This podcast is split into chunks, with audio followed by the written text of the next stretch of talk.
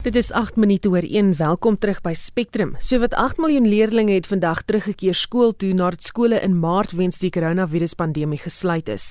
Leerders in graad R 1, 2, 3, 4, 6, 9, 10 en graad 11 was vandag volgens die aangepaste skoolkalender verplig om terug te gaan skool toe. Saam met die sowat 2 miljoen graad 7 en 12 leerders wat reeds vroeër teruggekeer het, is daar nou weer byna 10 miljoen leerders op die skoolbanke. Leerders in graad 5 en 8 moet op 31 Augustus weer skool skool toe gaan. Dit is as skole nie self reëlings getref het met die departement van onderwys vir leerders om vroeër te kan terugkeer nie. En ons praat nou met die uitvoerende direkteur van die onderwysvakbond Naptosa, Basil Manuel. Goeiemôre Basil. Susan, goeiemiddag. Plezier om met julle te wees. Sê vir my, wat is die terugvoer wat uh, jy vanoggend van skole ontvang het? Natuurlik sal dit nou altyd so 'n gemengde uh, saak wees. Baie skole het, het teruggekeer en dit het vlot verloop. Dit is in die meerderheid die skole wat met ouers kon gesels het voor die kinders teruggekom het en daar het hulle nou reëlings getref vir die 50% wat nou terugkom. Maar die skole wat nou nie so 'n kommunikasie uh, stelsel in plek het nie, het nou gesien dat die hele skool terugkeer en daar was 'n bietjie moles dit het lank geneem om om om die temperature te neem en die uh, gesondheidsvorm in te vul.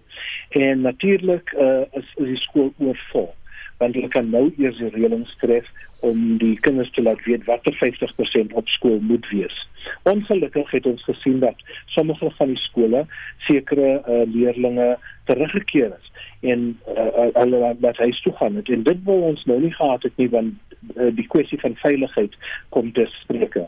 Ongelukkig ook het ons gesien dat in Soweto veral daar 'n vrugting was ons probeer nog vasstel presies wat die uh, ontwrigting veroorsaak het maar in ehm um, in Belfort en in in Mpumalanga sien ons dat daar ouers is wat nou verhoed dat die kinders terugkeer omdat die skole nie die gesondheidsmateriale het nie. Uh in van van Limpopo af kry ons nou weer 'n berig dat baie van die skole net een masker ontvang het per kind en dit is natuurlik nou nie in lyn met die met die riglyne wat sê dat elke kind uh, twee maskers moet kry. So verskillende verskeie goed gebeur op verskillende plekke en dit uh, is maar gewoonlik so. Maar ons hoop daarin dat goed uh, teen môre sal kalmeer en dat ons 'n beter dag môre sal hê. Wat onderrig aan betref, is daar sommige skole wat 'n groot agterstand het. Natuurlik ja en um, ons moet nou verstaan wat ons bedoel met 'n agterstand. Natuurlik uh, is dit uh, amper uh, normaal dat meer as 70% van die skole nie onderrig kon gee tydens die sluitingsperiode nie. Uh, minder as 30% het dit nou wel gedoen. As jy nou sê dat daardie ander kinders die 70% agterstand het, dan is dit so. Maar as Naptosa het ons nooit geglo dat ons die akademiese jaar kan red nie. Ons het ons het nou van die begin af gesê ons moet liewer uh, die die die leer van kinders red, nie net die akademiese jaar. Want ons moet nou begin besin daaroor wat die belangrikste ding is om te red. Want ons kan tog nie die hele jaar se werk nou inprop nie. En daarom het ons gepraat van wat ons grootste swakhede is op 'n skool. En op 'n primêre skool is dit lees as 'n taal en wiskunde. En as ons net na taal, uh, wiskunde en lees kyk, sal ons daarin baie kan bereik in die periode. Maar uh, vir die matrikulante is dit mos nou 'n ander storie, want hulle het om en by 3 maande verloor en baie van die matrikulante word nou gesê hulle moet nou opvang met daardie werk en dit is 'n groot groot uh, taak om te om te behartig. Daarom is ons so be eh, bekommerd oor hulle geestesgesondheid. Want nie elke kind kan sulke druk uh, maklik behandel nie en ons is bekommerd daaroor oor en ons wil hê dat die departement met, met die skole moet gesels oor wat presies ons beplan met die matriekeksamen. Het daar is onderrig tydens die staat van inperking gewerk dink jy? Uh jammer ek het nie die eerste gedeelte van die vraag gehoor nie. Het tuisonderrig. Almal wat by die huise ja. gebly het en hulle self moes skool amper half jy weet deur die internet of hoe ook al. Dink jy dit het gewerk? op 'n sekere mate in sekere skole ja maar in die groot meerderheid van skole kon dit nie werk omdat die die mense nie ehm uh, uh in, internet het nie hulle het nie uh, data nie en so voort en die bekostigbaarheid daarvoor uh was 'n groot vraag maar ek dink dat 'n belangrike les om te leer want ons kan nie nou net sê kyk dis nou die verskil tussen daardie wat het en daardie wat nie het nie. Ons moet nou leer daar daardeur en sien hoe ons dit beter kan ge gebruik uh, indien ons dit weer nodig het want uh, die wêreld het nou verander en aanlyn uh, leer is mos nou een van ons van die nuwe dinge wat ons moet doen. Daarom sê ons vir die onderwysdepartement, laat ons nou nie net uh, probeer terugkeer na die ou metodes toe nie, laat ons ook aanvaar dat ons van die nuwe metodes ook moet omhels. Onderwysers wat dan onderliggende siekte toestande ly is tuis. Julle het 'n opname gedoen oor hoe erg skole hierdeur geraak word. Wat toon julle opname? Uh, ons opname uh, wys nou daarop dat daar 'n groot uh, getal 27000 onderwysers tuis is. En met die mense wat by die huis is, is baie min van hulle vervang deur die departement. En nou sê ouen by 13% van daardie mense wat deelgeneem het aan die opname daardie skole dat hulle straks nie 'n rooster sal kan uh, saamstel om om uh, die die skooljaar weer te begin. En dit is wat ons eers bekommer.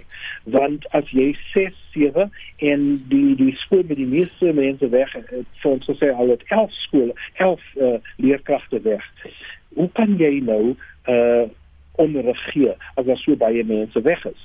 Uh, ons kan nie uh, uh, dit insien dat mense glo dat omdat 50% van die leerders op skool is, jy nie al die onderwysers nodig het nie. Natuurlik het jy al die onderwysers nodig want die hele skool gaan mos onderrig word.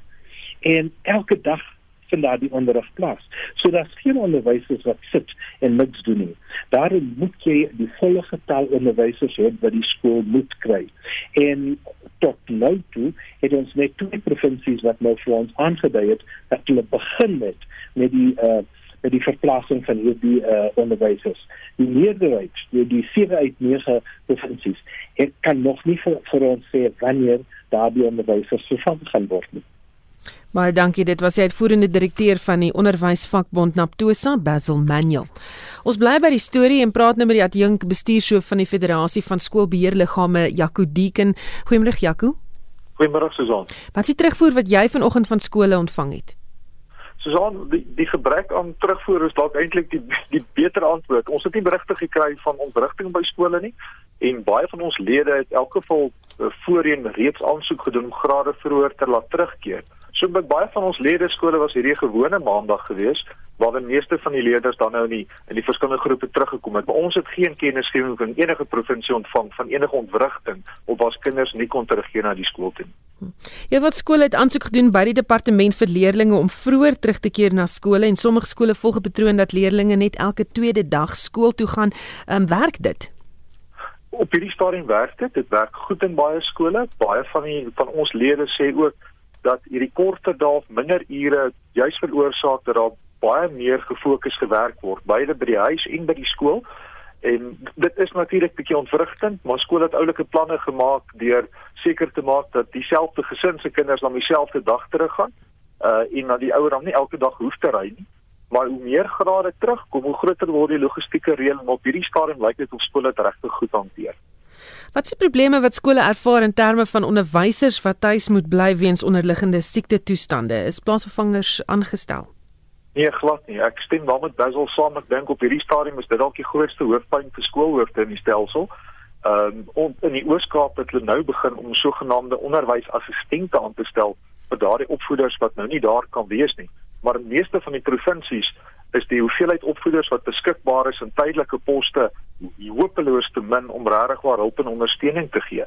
Nou in die begin van die oopmaak van skole kon skole nog wegkom dat al die grade nie daar was maar met al die leerders wat nou terugkeer, het sy rotasie basis met al die grade wat daar is, is dit nou die enkele grootste hoofpyn en ek dink nie departemente die totale omvang besef van die opvoeders wat in daardie kategorie sou val nie. So dis 'n uitstaande item waar ons nog bitter bekommerd is. Kon julle agterkom dat daar 'n beduidende agterstand is met leerwerk wat ingehaal moet word? Ek ek dink die die, die agterstand sou eerder wees waar kinders nog nie toegang gehad het tot tegnologie om aan te gaan met leer nie, maar ek weet in baie gevalle uh waar die kinders nie daardie toegang sou hê nie. Is daar nog genoeg daar met die die kurrikulum wat wat bietjie afgeskaal is dat ek dink daarby sou uitkom. Maar waar waar mense nie sommer gaan het sy met tegnologie of selfs in die laaste paar weke sou kon opvang nie. Is die tipiese fases waarin kontaktyd baie belangrik is, spesifiek dan nou in jou grondslagfase. Daai graad 1 jaar waarin jy moet leer lees en skryf en sommetjies maak, dit verg kontaktyd. Dit verg baie konstruktiewe werk by die skool en by die huis en natuurlik in graad 9 wat daardie leerders nou met uh, keuses maak volg na oor keusevakke is kontak nogal belangrik. So ek dink in daardie twee fases uh, is 'n bietjie meer bekommerd dalk as jy as die res van die leerders. En dan vakansie, is dit slegs openbare skole wat einde Oktober vir 'n week vakansie het? Die, ja, die openbare skole, is nou in daai week is die volgende vakansie. Die onafhanklike skole werk op hulle eie jaarkalender. Van die skole is op 3 3 semesters per jaar, so hulle verlof of hulle vakansie lyk so 'n bietjie anders. Maar nou sit skouer aan die wiel tot uh tot eintlik uh so in einde Oktober tot begin November, net so week blaaskansie en dan groet ons mekaar eers die 15de Desember.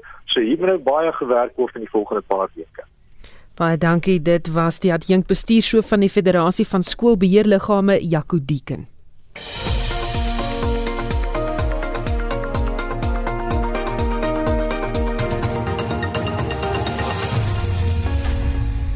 Sy 1321 jy luister na Spectrum. President Cyril Ramaphosa het vroeër in 'n sterk bewoorde verklaring aan die media gesê dat hy die minister van Finansies, Tito Mboweni, aangespreek het oor sy uitlatings teenoor Zambië. Dit volg nadat Mboweni getweet het dat hy sal mobiliseer teen die regering uh, daar as hy nie antwoorde kry oor hoekom die Reservebank goewerneur van Zambië afgedank is nie. Ramaphosa se woordvoerder, Tyrone Seal, sê dit is belangrik vir die president dat die regering van Zambië nie dink dat Mboweni se opmerkings die van die Suid-Afrikaanse regering regering reflekteer nie. The President of the Republic of South Africa, His Excellency Cyril Ramaphosa, has strongly reprimanded the Minister of Finance, Mr. Tito Mboweni, following comments made by the Minister on social media regarding the removal of Zambia's central bank governor by Zambian President Edgar Lungu. In one of his tweets, Minister Mboweni is promising to mobilize if not given reasons why the central governor has been fired by President Lungu. President Ramaphosa wishes to assure the government and people of Zambia that the unfortunate remarks do not reflect the views of the South African government and its people. The issue is being addressed to ensure that such an incident does not occur again. South Africa and Zambia enjoy strong historical relations dating back to the days of the struggle against apartheid. South Africa remains committed to maintaining the deep and solid bonds of friendship between the peoples of Zambia and South Africa. En dit was die woordvoerder van die president Tyrone Seal. Die verklaring van die presidentskap volg kort op die hakke van 'n brief wat die president aan ANC-lede geskryf het oor korrupsie. In die brief sê hy dat die mandaat oor korrupsie wat aanvaar is tydens die ANC se 54ste nasionale kongres in Desember 2017 onmiddellik ingestel moet word.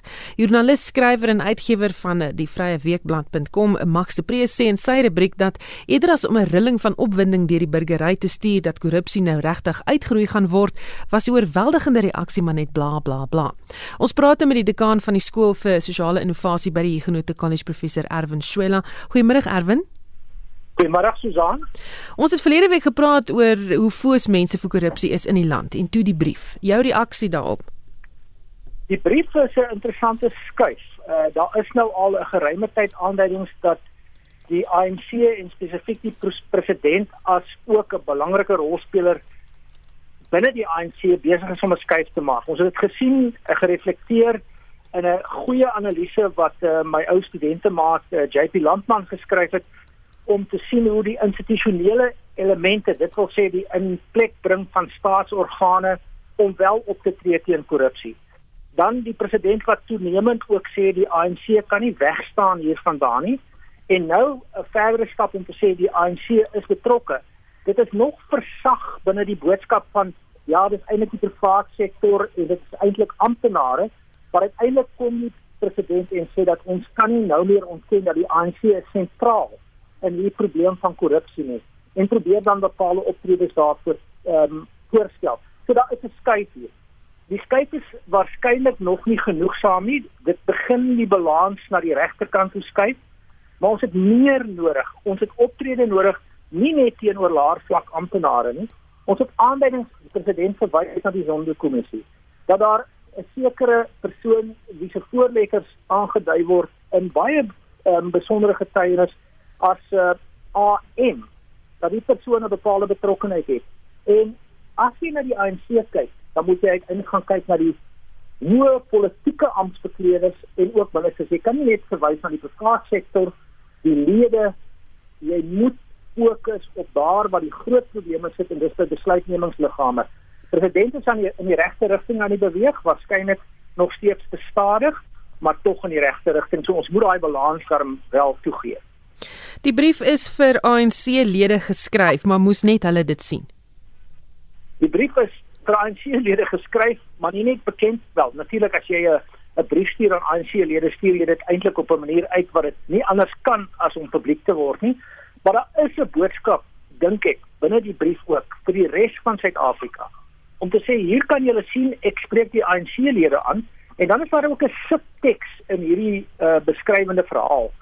Dit mag ook wees dat dit ook sê vir die ANC-lede, julle kan nou verwag dat ons wel nou by die by die kern van die ewel gaan uitkom en moontlik net mag julle sien dat hoe ANC-lede ook ten minste dan nou 'n dagvaarding kry om vir hof te verskyn of gearresteer word. So ek dink dit is 'n doelbewuste kommunikasiestrategie om na die ANC te kom uh, te kommunikeer. En dit het lanklaas gebeur as min historiese voorbeelde daarvan wat die president praat met die ANC lede maar hy praat ook met die land. En dit mag net wees dat hy die ANC lede voorberei dat daar ook arrestasies of uh, vervolgings gaan wees van hoë ANC amptenare en selfs um, mense in uitvoerende posisies Sal ANC lede nou uit hulle eie uit sê goed, ek doen nou wat die president vra na hierdie brief. Wel, ek twyfel. Ek dink uh, daar is so aanname dat uh, uh, laat ons maar kyk of die instellings en of die optredes regtig by ons uitkom. Ehm um, dit is amper vergelykbaar en ek is baie versigtig om die analogie te maak. Ehm um, wie gee nou hulle wapens in 'n wapenamnestie? Is dit die die mense wat um, 'n um, misdaad met daai wapen gepleeg het. Op dieselfde wyse, wie gaan hulle self nou bereid verklaar om in hierdie proses waar daar 'n groot standpunt deurgaans nog vir die ANC gehandhaaf was, jy is eintlik onskuldig totdat jy aangekla is en skuldig bevind word. En terloops daarop is daar ook 'n skryf van die president. Die president sê eksplisiet in die brief dat die ANC om in die toekoms sal distansieer van mense wat beskuldig word van korrupsie. Hoe mens dit sal uitwerk gesien, maar terug by die punt punt is die die die die die die, die waarskynlikheid is bitter klein dat enige ANC kader daai vrywillige aanmelding gaan doen. Uh, en dis dink ek die hoop gaan bestaan.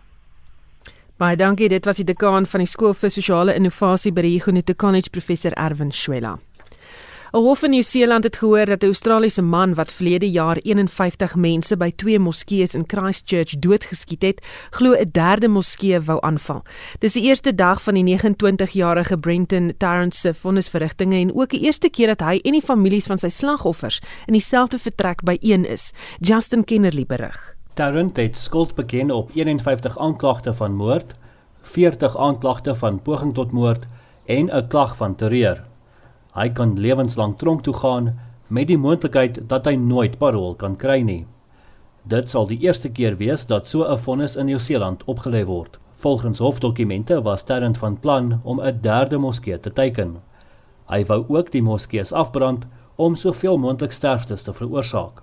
'n Ma wat haar seun in die aanval verloor het, sê sy kan hom nie vergewe nie. I constantly try to imagine how my beloved Atta felt at the moment of the attack. How he faced the shooter with his chest, armed only with his courage to protect others. What was in his mind when he realized he is departing this life to his last journey?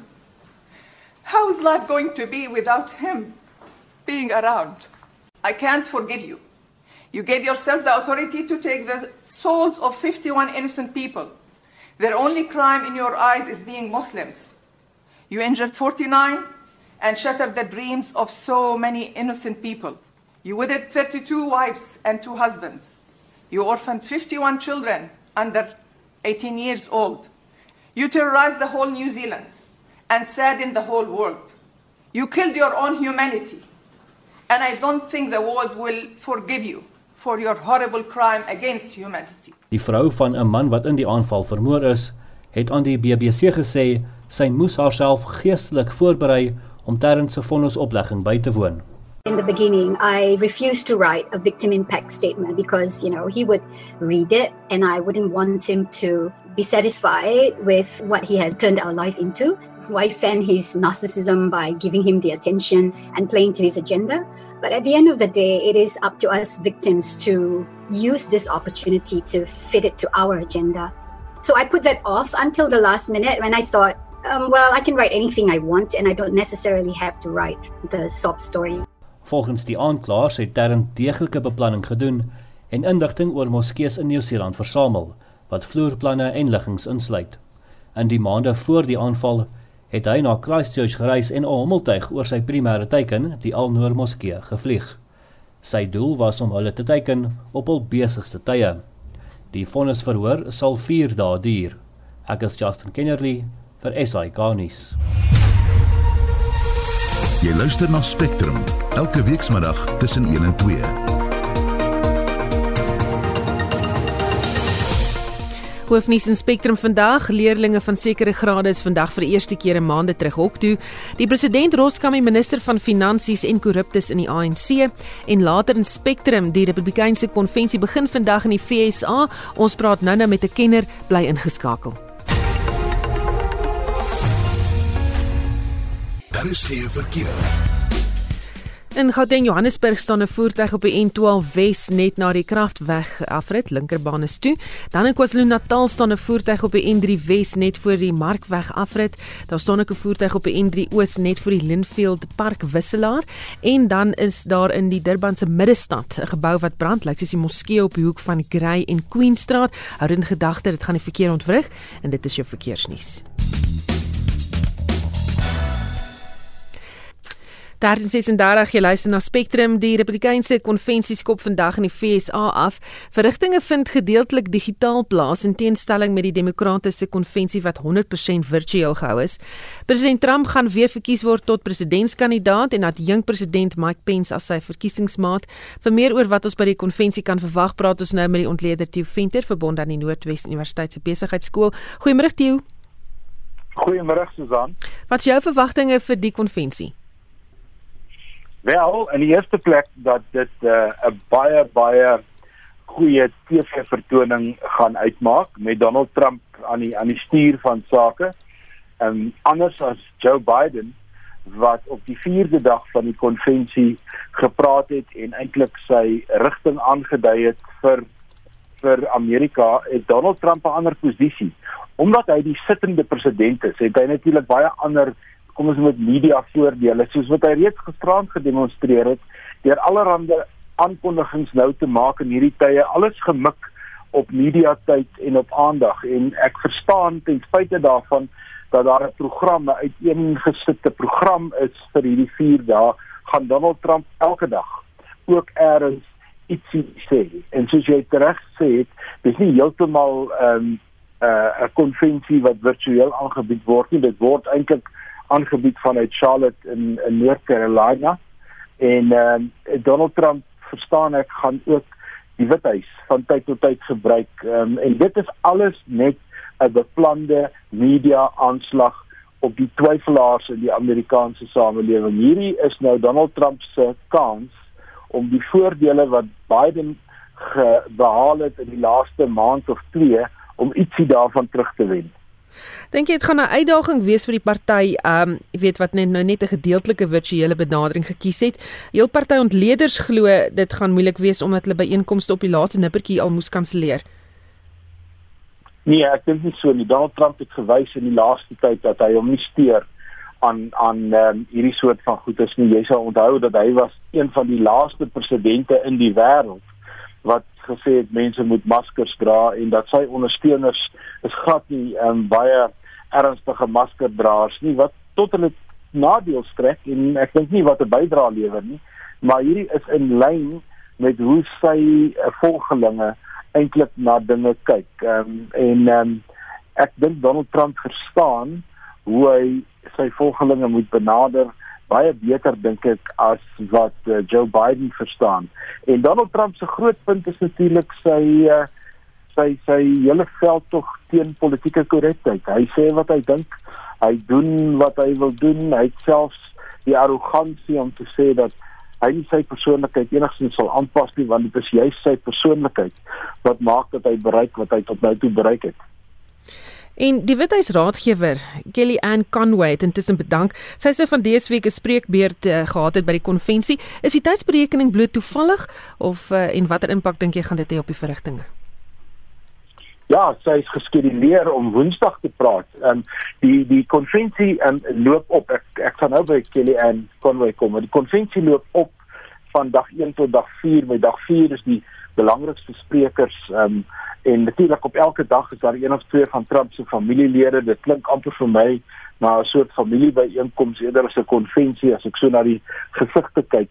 Maar Jenny, ag Conway is een van Trump se getrouste ondersteuners en die eerste vrou wat 'n suksesvolle presidensiële veldtog kon bestuur. So sy Donald Trump het geweldig baie aan haar te danke en uh, ongelukkig sit sy en haar man aan verskillende pole van die Republikeinse party. Hy is teen Trump alhoewel hy 'n Republikein is en sy is natuurlik 100% agter hom. Dit lyk vir my tussen die twee en COVID-19 het hulle huwelik begin probleme um, optel want beide hy en sy tree uit hulle poste en hulle um, aanstellings uit om volgens hulle aandag te gee aan hulle familie.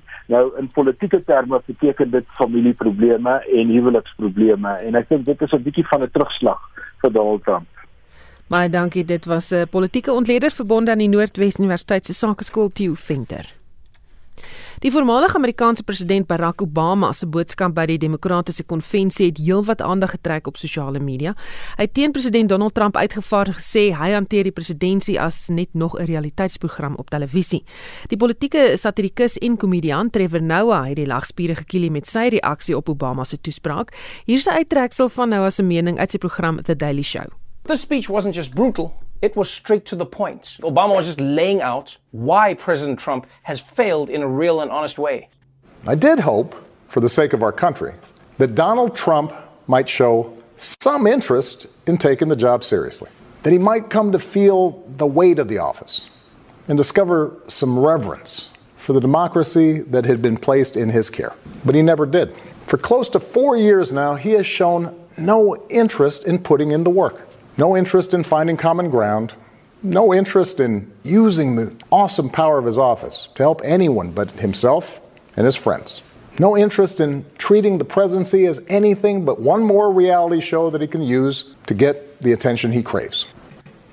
And although there were moments of hopefulness in the speech, the overall feeling was that America was on the brink of death. And this was the last chance to save it. Like, it didn't feel like the usual things are to get better Obama speech. It felt more like a funeral for democracy. Basically, four years of Trump took Obama from, uh, yes, we can, to uh, let us pray.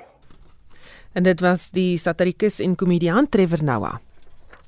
Hoewel vlak 2 van inperking heelwat verligting aan verskeie landsburgers en bedrywe gebring het, is dit hopeloos te laat verander wat hulle werk of ondernemings moes laat vaar. Daar is boonop steeds diegene wat nog nie mag teruggaan werk toe nie en wat net so swaar trek.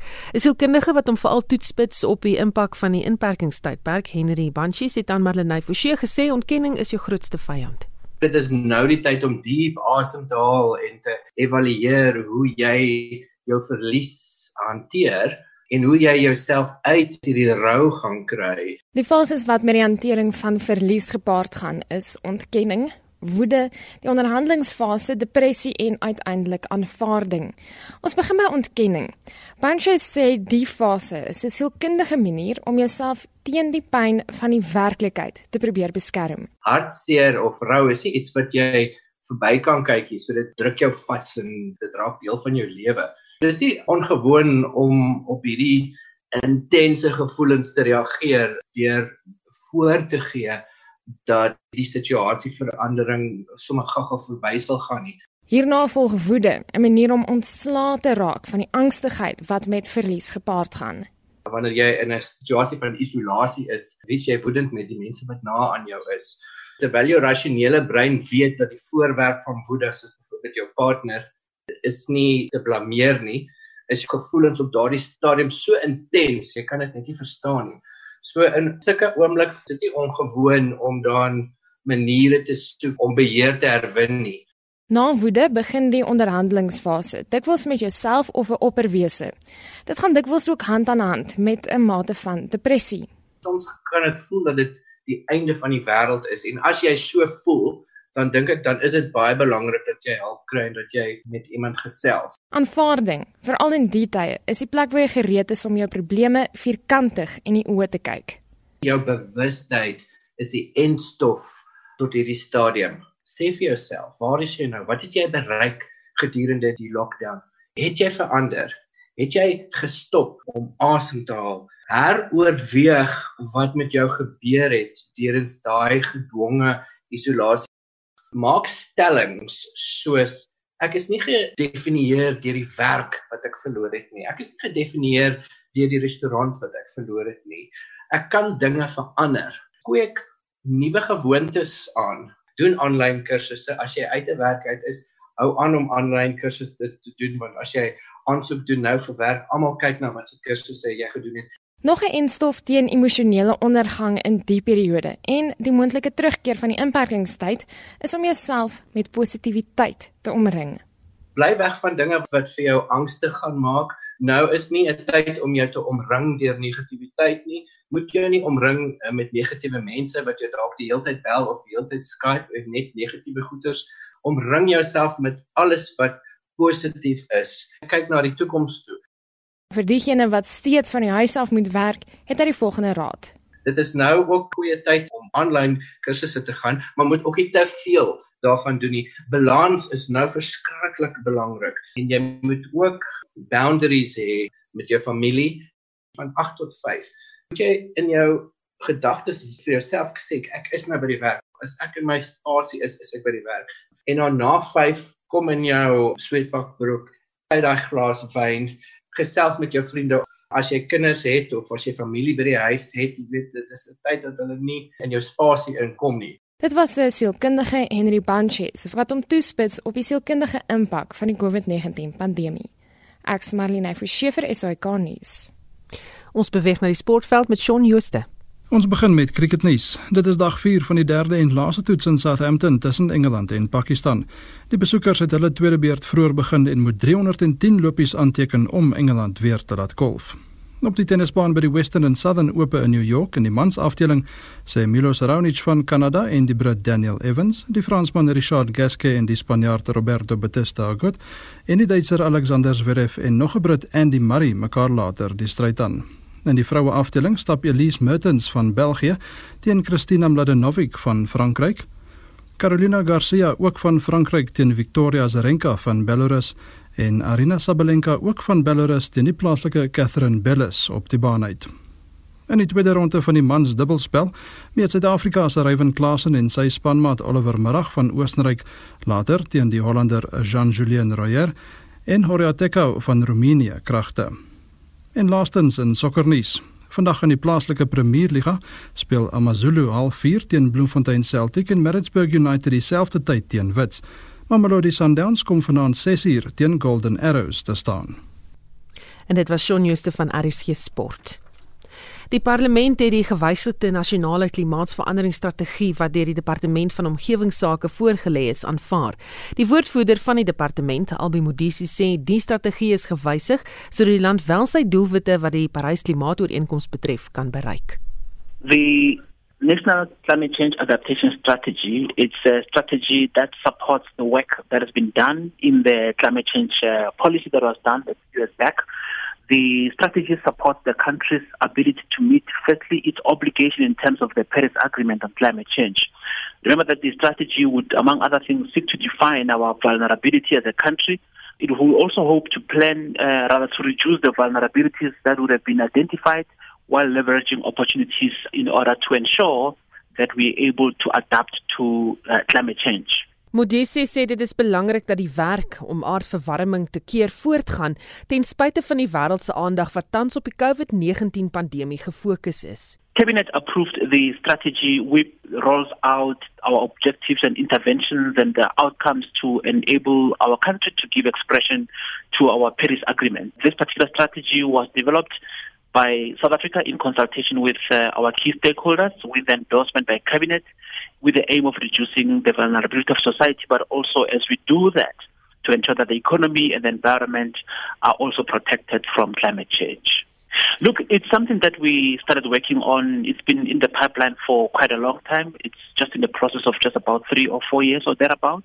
It's a process that's been in the pipeline for, for quite some time. So, but also it gives expression and effect to the national development plan, which, uh, which as part of its vision is for the creation of a low carbon, climate resilient economy in a just society.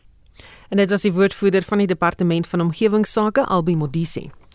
Die Wes-Kaapse premier Allan Windey sê die provinsiale regering werk aan 'n program om die skade van die inperkingstydperk tot nou toe te begin herstel.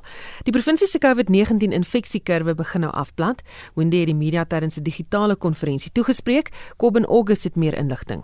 Die plan is hoofsaaklik daarop gemik om die toename in honger, armoede en werkloosheid die stryd aan te sê Die besonderhede van die planne hiervoor en om die provinsie se ekonomie te herbou sal in die komende weke bekend gestel word.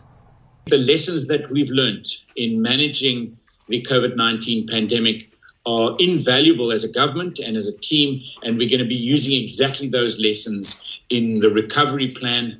Hy vra verder dat inwoners plaaslike sake ondernemings ondersteun sodat verdere werksverliese en die sluit van plaaslike besighede verhoed word. Hiermee saam die volgende waarskuwing.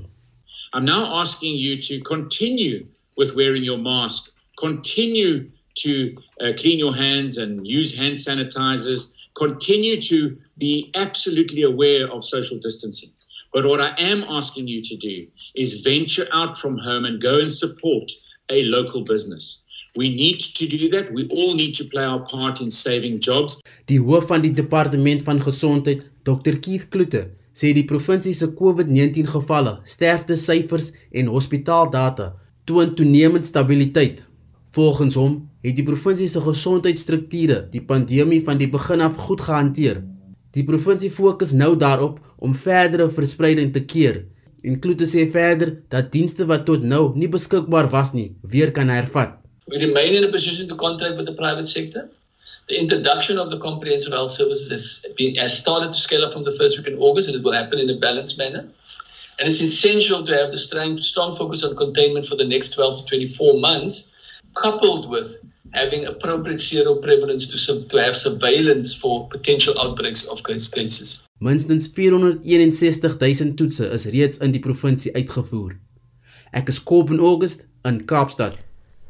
Klein plattelandse dorpies in die Wes-Kaap wat afhanklik is van toerisme om te oorleef is gretig om hulle ekonomie aan die gang te kry.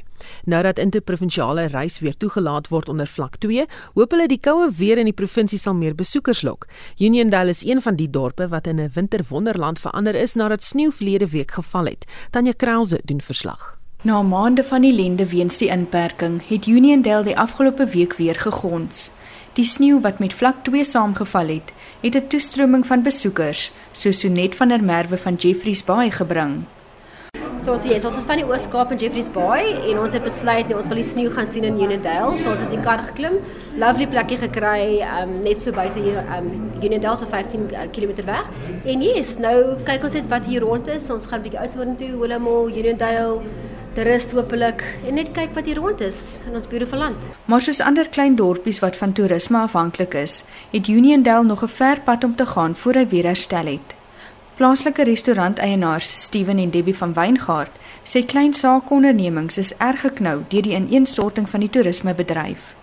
Ek en my vrou is twee pensionarisse wat om die plek oorgevat het om ons besig te hou en as ons afhanklik was van hierdie restaurant, sou ons definitief die deure toegemaak het en dit sou nou 'n hartseer dag gewees het want ek meen dis omtrent die enigste kroeg en restaurant in die dorp waar die mense kan kom en self geniet en die toeriste inkom. Oh jeez, the snow was wonderful. To wake up to the snow place was so nice. And then we opened the restaurant as normal and then people started coming because it was so cold to ask for coffee and that. And then just after that it was just everybody just started coming in and it was just so nice to have that buzz again 'n Koffiewinkel eienaar Andre Du Plessis hoop dat dinge nou weer besig sal raak Ons is baie bly oor dit wat nou gebeur het. En uh, ons kan sien as definitief in die laaste week baie meer besoeke van ons plaaslike mense.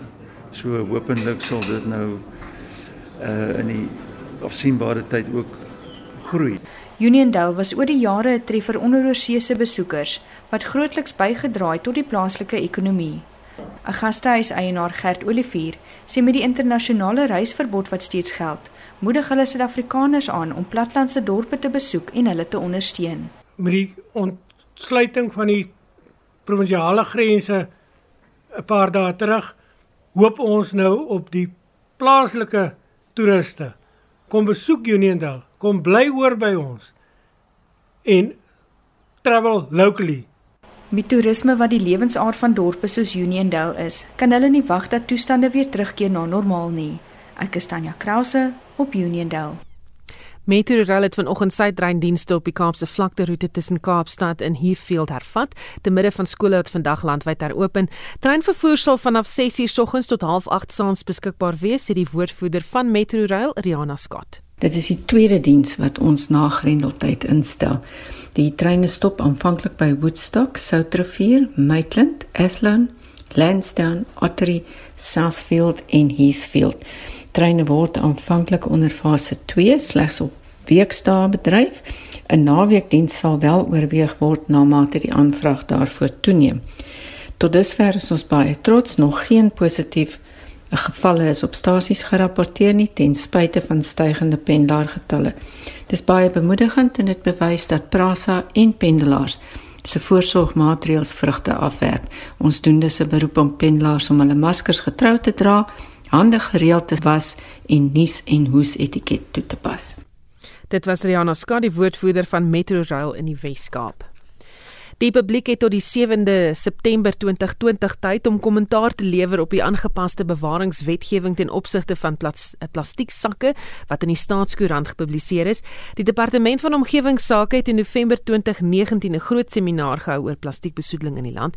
Die woordvoerder van die departement, Albi Modisi, sê daar is verskeie veranderinge aan die voorgestelde wetgewing gemaak. Invitation is extended to South Africans to make inputs into the Environment Conservation Act, plastic carrier bags, and which regulates the plastic bags in South Africa.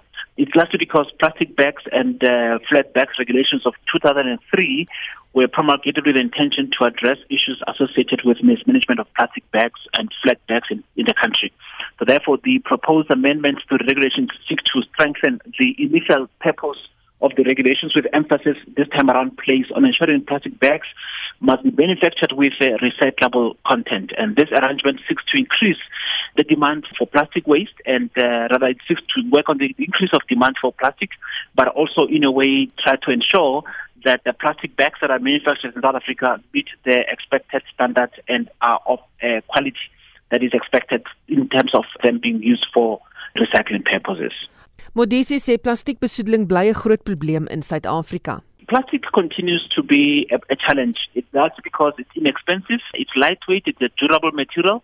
It can be easily molded into a variety of products. And therefore, it continues to be a challenge. And therefore, it's important for us to ensure that because plastic continues to be part of the products that are being sold, the regulations in place are also able to take for the after life of plastic. And therefore, it's important for us that plastic bags in South Africa that are manufactured meet a standard that uh, would ensure that uh, it's recyclable.